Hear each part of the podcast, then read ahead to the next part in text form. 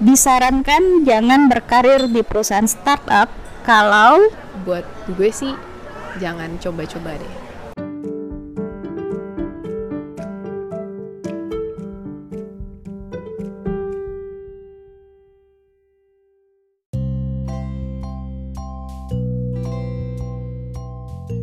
Dengan gaji bersaing, fasilitas playroom, waktu kerja yang fleksibel, perusahaan startup kemudian menggeser perusahaan perbankan, oil and gas, dan institusi pemerintahan sebagai incaran tempat berkarir bagi pekerja millennials.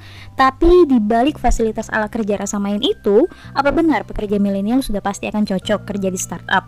Narasumber saya kali ini Vika, seorang associate market manager salah satu perusahaan startup, berbagi cerita tentang realita bekerja di startup. Simak obrolan kami ya. Hai Vika, kenalan dong sama pendengar di sini. Halo semuanya, uh, dengan Vika, gue mm-hmm. posisinya apa ya? Posisinya gue masih associate market manager di salah satu online travel agent lokal di Indonesia. Mm-hmm mungkin gitu nggak boleh gue sebutin takut yeah. takut takut bosnya uh, dengar takut bos gue denger terus gue ada aduh gitu ya nah uh, online travel agentnya sebenarnya udah cukup lama sih tapi mungkin baru sebagian orang mungkin baru tahu beberapa tahun ke belakang aja gitu sih. Hmm, Oke, okay. jadi sebenarnya uh, online travel agent yang didirikan oleh orang Indonesia. Orang Indonesia, foundernya itu ada lima orang, semuanya orang Indonesia juga hmm. uh, maksudnya semua orang Indonesia dan awalnya sih mereka kerjasama dulu sama PT KAI uh-huh. jadi kita. Uh, menjual tiket kereta online awalnya hanya menjual tiket kereta aja tapi kemudian menam uh, apa bertambah lagi bisa jual uh, kita jual juga uh, hotel tiket hotel -hmm. voucher hotel terus kemudian sekarang ada transportasi ada juga attraction, ada juga tiket konser dan lain-lain. Jadi hmm, ada enam produk yang bisa kita jual di aplikasinya. Oke, sudah berapa lama total perusahaan lo berdiri? Uh, 8 tahun. Uh, dan lo masuk di sana sejak? Sejak uh, Oktober tahun lalu, jadi gue baru satu tahun. Oh, apa satu tahun? Satu tahun. Anniversary. Anniversary. Gimana? Si anak baru, anak baru. Su suka nggak kerja di perusahaan yang masih golongan startup ya? Um, suka jadi kayak buat gue oh ya keputusan yang tepat ketika gue menerima pekerjaan di sini karena ketika gue masuk perusahaan ini juga baru kurang lebih dua tahun diakuisisi sama salah satu perusahaan besar di Indonesia mereka juga punya uh, apa namanya ada e-commerce-nya juga jadi selain perusahaan gue itu ada perusahaan juga e-commerce juga yang retail yang cukup besar juga salah satu namanya Tit, gue gak boleh sebutin. Oke. Okay. uh, cukup besar. Jadi pas gue mengambil keputusan untuk masuk di sini tuh perusahaan ini baru awal-awal banget diakuisisi. Jadi gue ngerasain kayak uh, masih ada apa ya uh, perbedaannya dari gue masuk sampai sekarang tuh udah jauh lebih bagus, lebih baik lagi. Oke. Okay. Dan sebelumnya company tempat lo bekerja bukan tergolong startup ya? Bukan. Terus lo masuk startup. Mm -mm. Berarti lo happy, nyaman happy, kerja di nyaman. situ? Balik mau balik lagi nggak ke perusahaan kalau dibilang mau balik lagi kayaknya enggak enggak ya oke. Okay, berarti lo enjoy dan merasa oh ini tempat gue nih. Iya. Sesuai dengan karakter uh -huh. lo hmm, apa yang membuat lo nyaman di situ? Yang buat gue nyaman karena lingkungannya tuh santai banget. Jadi kita tuh fleksibel banget. banget. Terus -hmm. banyak anak mudanya flexible. juga banyak anak muda terus hmm. pekerjaannya tuh pokoknya apa ya fleksibel lah kadang gue bisa kerja di, di kantor pun suasana kantornya bukan yang kayak kerja kantoran yang harus duduk terus di hmm. meja selama jam kerja kita tuh malah kayak dikasih fasilitas yang uh, nyaman hmm. di kantor kayak misalnya kita ada kursi pijit hmm. terus kita ada hammock juga wow. terus kita ada pantry yang cukup luas jadi bebas di kantor pun kalau lo lagi misalnya gue lagi bosan atau apa ya gue terserah bisa kerja di mana aja selain hmm. di meja gue jadi suasana kerjanya juga yang menyenangkan nggak bikin stres stres sih ada lah ya yang hmm. namanya apalagi gue di sales jadi namanya target itu selalu ada tapi hmm. gue tetap jalani dengan happy juga sih Oke, karena sekarang banyak banget anak-anak lulus kuliah ditanya kerja di mana. Kalau dulu trennya kerjanya di oil and gas, hmm. di bank gitu hmm. kan. Nah sekarang trennya kemudian bergeser anak-anak lulus kuliah ngincernya adalah perusahaan-perusahaan startup hmm. yang baru lima tahun berdiri 8 tahun yang mungkin dari segi SOP sistem semuanya tuh masih belum settle ya hmm. jadi semuanya masih bisa berubah-berubah dan lain sebagainya tapi mereka mau ke situ karena itu tadi yang lo bilang menjanjikan banyak fasilitas yang fun. ya Terus iklimnya tuh kayak gimana sih di sana? Hmm, ritmenya sih santai, tapi ya tetap juga kita target apa bisa on target juga sih ya. Tapi Oh tetap mas- jadi ada targetnya tetap ya. ada targetnya. Mhm. Kayak kalau kerja nggak ditargetin juga aneh juga ya. Jadi tetap ada targetnya. Terus mungkin kalau misalnya anak-anak sekarang kenapa mereka lebih tertarik untuk masuk ke startup tuh karena satu lingkungan kerja lo itu fleksibel banget. Maksudnya santai banget. Santai dalam arti itu bukan berarti lo bisa datang kapan aja gitu. Maksudnya masuk kerja jam berapa aja terus pulang lo seenaknya nggak juga sih. Tapi kayak kalau anak-anak baru sih gue lihat kayak apa ya eh, mungkin bisa banyak banyak challenge-nya kali ya kerja di startup ini. Mhm. karena satu dari segi sistem dan segala macamnya mungkin kita pasti pasti ada selalu ada eh, apa namanya per, pem- perbaik bukan perbaikan apa ya namanya peningkatan Mhm. jadi kalau gue lihat sih kayak anak-anak dev atau anak-anak IT itu tuh banyaknya mereka yang uh, fresh graduate gitu karena buat mereka itu juga challenging juga sih.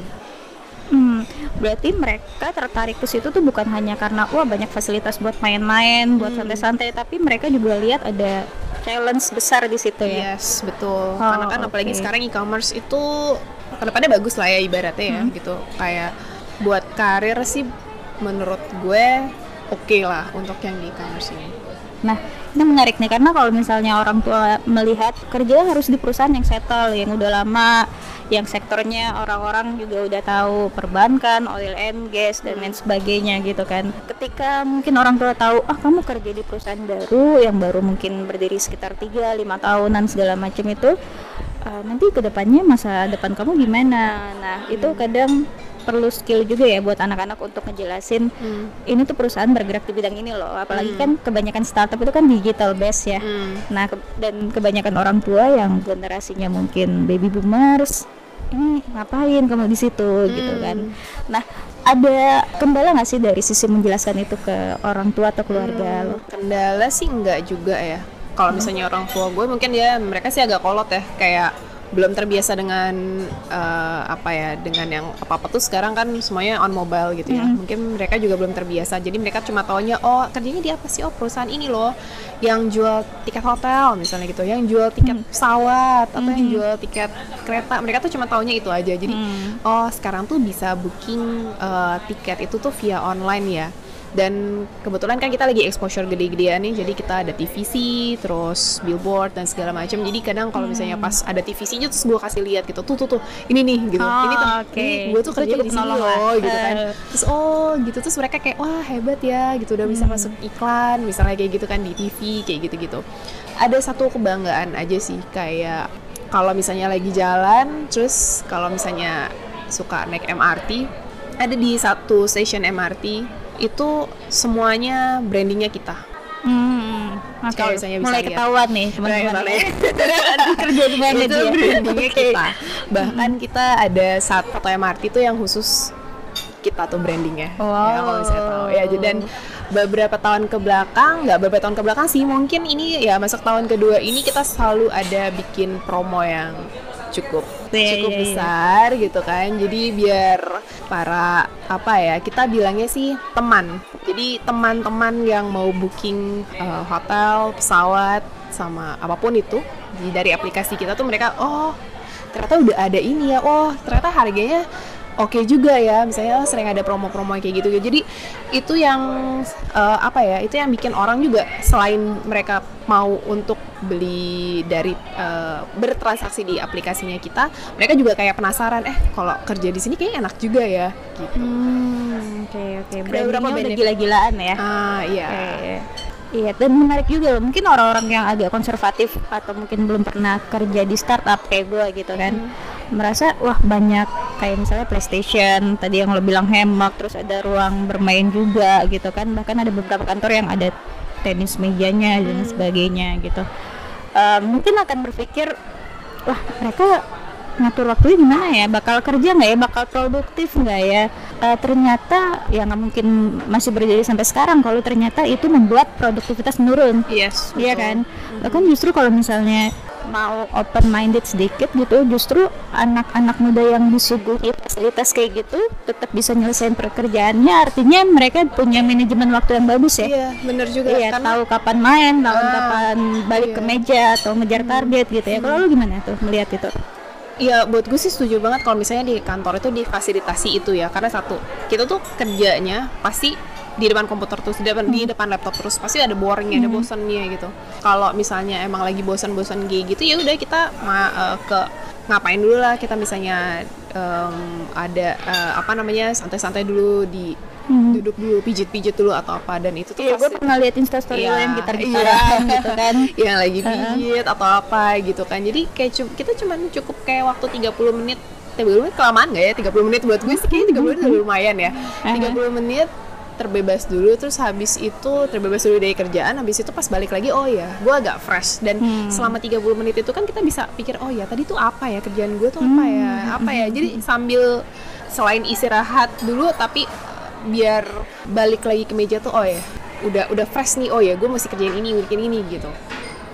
Kayak gitu lah. Kalau misalnya soalnya kalau nggak difasilitasin kayak gitu boring nggak sih? Palingan lo paling ke mana? Kalau misalnya bosan di kan bosan di meja lo turun turun ke bawah terus ke mana? Kalau misalnya gue sih kantornya kebetulan bawahnya mall ya jadi selain Ya, gue oke selain gue Iya, iya, iya. bisa pakai fasilitas yang ada di kantor ya paling gue turun cuci mata bentar habis itu naik lagi Hmm.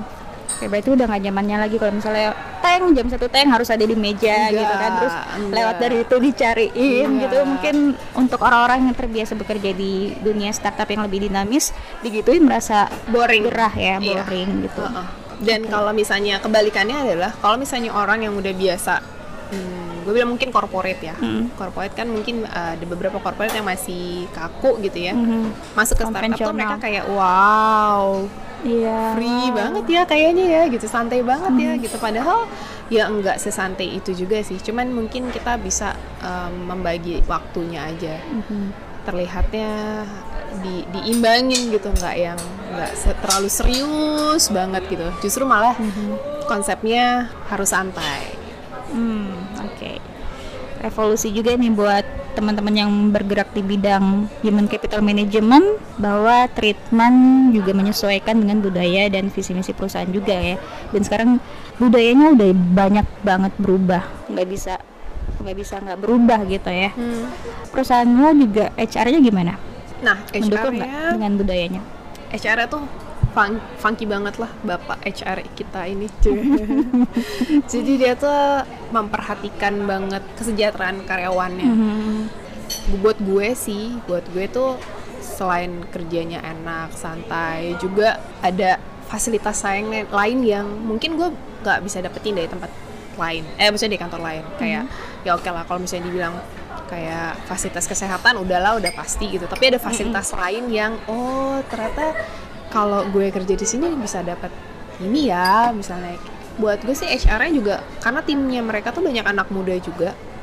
Terus eh, mereka kayak bikin Instagram juga khusus untuk HR-nya Mhm. jadi kita bisa lihat eh, semua apa namanya semua aktivitas program-program HR itu kita bisa lihat di situ juga.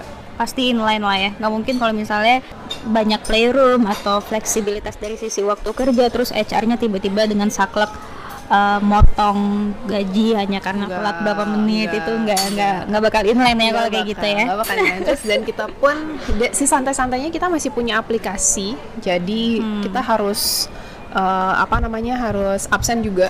Cuman enaknya Hmm. adalah absennya kita via apps gitu. Jadi nggak ada apa sih namanya Eh, Fingerprint. fingerprint gitu. Kita nggak ada fingerprint, tapi kita ada eh, via apps. Jadi setiap harinya kita eh, harus absen Hmm.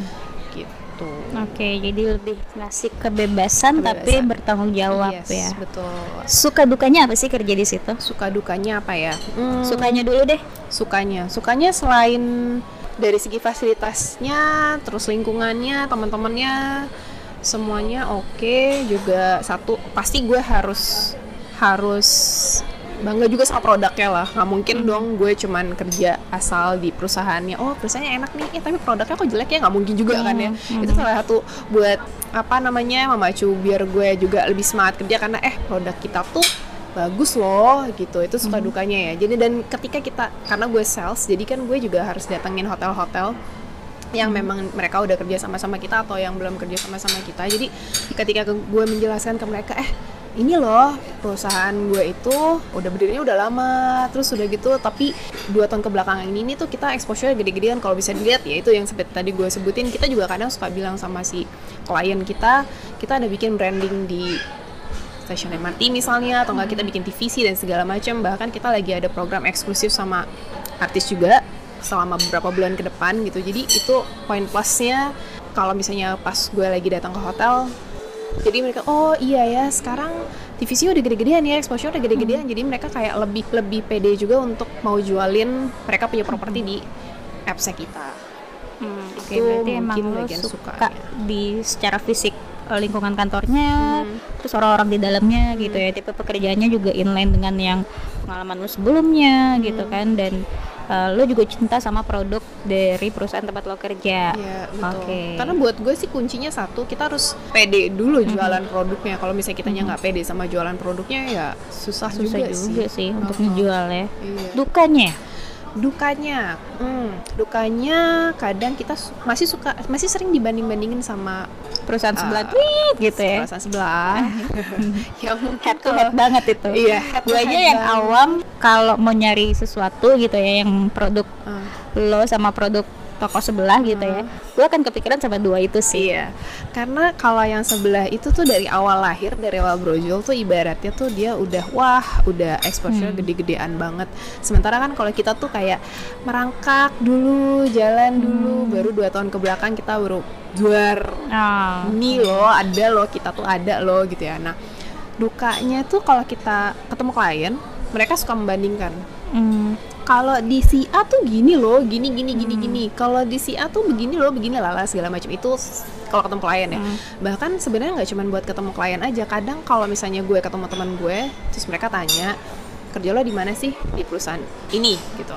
Terus awal-awal sih mereka masih bilang ah kok harga lo di sana lebih mahal sih misalnya kayak gitu. Kok lo nggak jual ini sih nggak jual hmm. itu sih gitu. Itu tuh yang kayak awal-awal gue kerja tuh kayak ih kok nyebelin ya gitu ya beda dong gue punya produk sama mereka punya produk beda banget dong gitu kan kayak gitu terus awal-awalnya kayak gitu cuman pas ke sini ke sini ke sini gue jelasin bahwa kita punya pasti masing-masing platform itu mereka punya punya kelebihan masing-masing lah ya. Mm-hmm. Kayak misalnya kalau di gue bisa jadi mungkin produk A-nya lebih murah, di mereka produk B-nya yang lebih murah misalnya mm-hmm. kayak gitu. Mm-hmm. Cuman ya itulah dukanya kadang cuma untuk dibanding-bandingin aja sama si tetangga itu sama si sebelah itu gitu.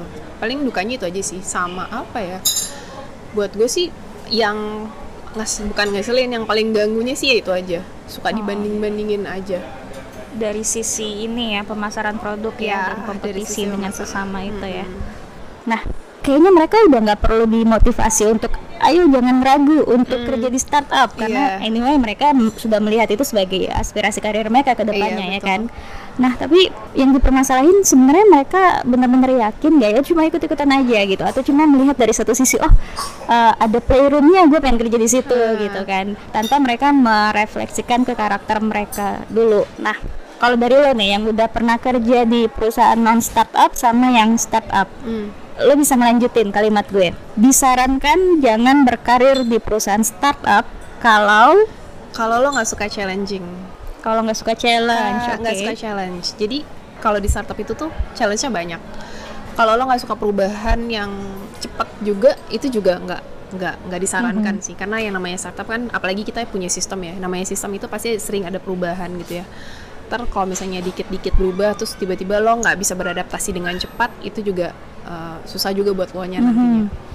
Jadi yang buat, ada malah ngedumel ya. Itu iya, kemarin begini sekarang uh, gitu uh, gitu kan. Gitu. Yang ada malah ngedumel. Nah, sementara kita kerja itu tuh based on maksudnya kita kan punya sistem ya. Namanya sistem mm -hmm. ya tau sendiri lah kadang-kadang kan ada ada errornya atau ada apanya mm -hmm. gitu. Nah, kalau kitanya nggak siap sama itu buat gue sih jangan coba-coba deh. Karena lo pasti akan kelabakan sendiri ya. Iya Tuh. Nah, terus ada lagi nggak selain kalau nggak siap dengan uh, challenge? Ya itu sih satu sih. Kalau misalnya emang lo nggak suka challenge, better lo pikir ulang aja. Tapi kalau misalnya lo emang orangnya suka challenge suka dengan perubahan-perubahan gitu terus apalagi kalau di startup kayak gini kan pasti ya namanya masih baby ya kita kan mesti bikin biar jadi lebih baik itu gimana? Dan menuju hmm. untuk menjadi lebih baik itu tuh pasti kan ada banyak hambatannya hmm. gitu. Nah kalau misalnya lo nggak siap lo nggak betah better kayaknya lo jangan di startup. Iya, cari perusahaan yang lebih settle yang aja lebih dari segala sisi. Ya, karena harus siap juga gitu misalnya lo disuruh kerjain instruksi A gitu hmm. nah untuk mengerjakan instruksi A ternyata di perusahaan lo belum ada SOP-nya yeah. dan lo harus siap kalau misalnya harus bikin gitu yeah. dan harus cari tahu karena mungkin uh, itu perusahaan baru lo belum menggantikan siapa-siapa lo adalah orang pertama yang ngisi posisi itu dan lo harus benar-benar cari tahu belajar -hmm. sendiri gitu ya yeah. Ya ya ya pokoknya ya kalau mau kerja di startup jangan cuma karena ikut-ikutan jangan cuma karena pengen pakai celana jeans dan sneaker favorit di kantor itu gue sih. Dan gue gue siri kalau gue lihat lo ih kok bisa pakai jeans sih? jangan kan gitu ya. gue aja tuh sama divisi lain ya kayak misalnya divisi IT dan development gitu tuh biasanya mereka banyaknya anak-anak cowok. Hmm. ya, mereka tuh bisa santai banget udah rambutnya mereka ada yang gondrong lah ada yang hmm, apa tuh kayak iya. kalau gue kalau gue sih bilangnya mereka kayak anak STM jadi datang tuh dengan celana yang celana jeans, hoodie hmm. gitu terus pakai san enggak pakai sandal juga sih tetap pakai sneakers kayak hmm. gitu-gitu gue sih enjoy justru karena i, ha, hal itu yang lo nggak bisa dapetin kalau lo kerja di corporate. Hmm. Tapi jangan salah sekarang corporate konvensional melihat itu menjadi budaya mereka tiru juga hmm. ternyata karena mungkin mereka melihat oh iya ya banyak sekian persen milenial di sini ya, gitu ya. betul. ya dan eh, nggak uh, cuma dari sisi cara berpakaian aja tapi juga dari sisi desain kantor. Ya, tuh. Sekarang udah open space Sekarang udah open space, ya. Dari mulai yang dulunya kubikel kubikel. Kubikel, iya. Ya, dan itu datangnya dari startup duluan ya budayanya iya, ya. Bener. Mm -mm gitu. Soalnya kalau Kobika kan kayak apa ya? Kaku banget ya. Kaku banget terus hmm. udah gitu mau ngobrol sama teman sebelahnya kayak susah gitu Harus kan. dongak gitu ya. ah, gitu. Kalau misalnya kayak sekarang open space gitu lo bisa teriak-teriak sama BJ yang mana hmm. aja gitu.